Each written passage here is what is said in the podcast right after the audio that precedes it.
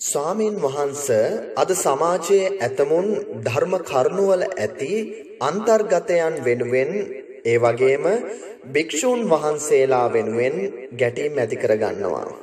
එමෙන්ම ඇතමුන් භික්ෂූන් වහන්සේලා වෙනුවෙන් ඇලීමක් ඇති කර ගන්නවා. මෙය කෙතරම් ආකාරයට අපහට බලපානවද? අර අවසාන කාලේ තිබුණා වූ සමාජයට වඩා ඔබලා හරිම පිංගුත්. ඒක හොඳට තේරුම් ගන්න ඕනේ.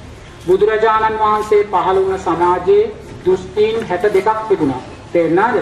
දෘෂ්ටීන් 62කින් පිරුණු සමාජයකයි බුදුරජාණන් වහන්සේ මේ උතුම් චතුරාර්ය සත්‍ය අපිට මතු කළ දුන්නා.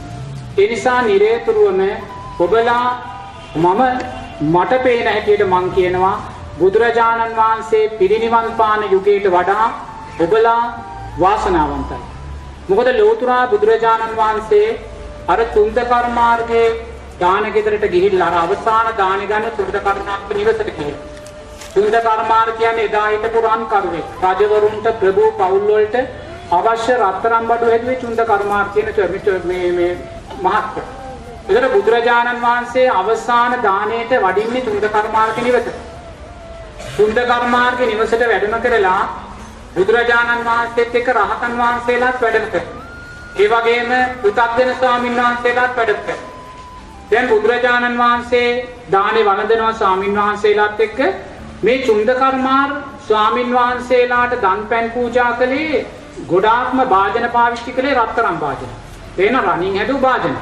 ඒතකොට මේ රත්තරන් වාදන වලින් මේ සියල්ල පූජා කරලා දානය අවසන් වෙද්දී චුන්ද කර්මාර දකිනවා මෙතන හිටිය එක ස්වාමින් වහන්සේ කෙනෙක් අර රන් වාදනයක් අරගෙන පාත්‍රය ඇතුලේ දාලා වගනවා. තේරෙනවද? නමුත් චුන්ද කර්මාර කිසිම දෙයක් කතා කළේ ඒක නොදැක්කා වගේ හිටියා මිසක් ඒ ගැන හැඟෙව්වෙවත් නැහැ. තේරෙනයි? නමුත් දානය අවසන් වුණාට පස්සේ බුදුරජාණන් වහන්සේ දේශනා කරනවා චුන්ද කර්මාර පින්කමක් කරන්න පෙර තුන්සිත පහදවාගෙන පින්කම කරන්න ඕනේ. පින්කම සිද්ධ කරන මොහොතේ තුන්සිත පහදවාගෙන පින්කම කරන්න ඕනේ.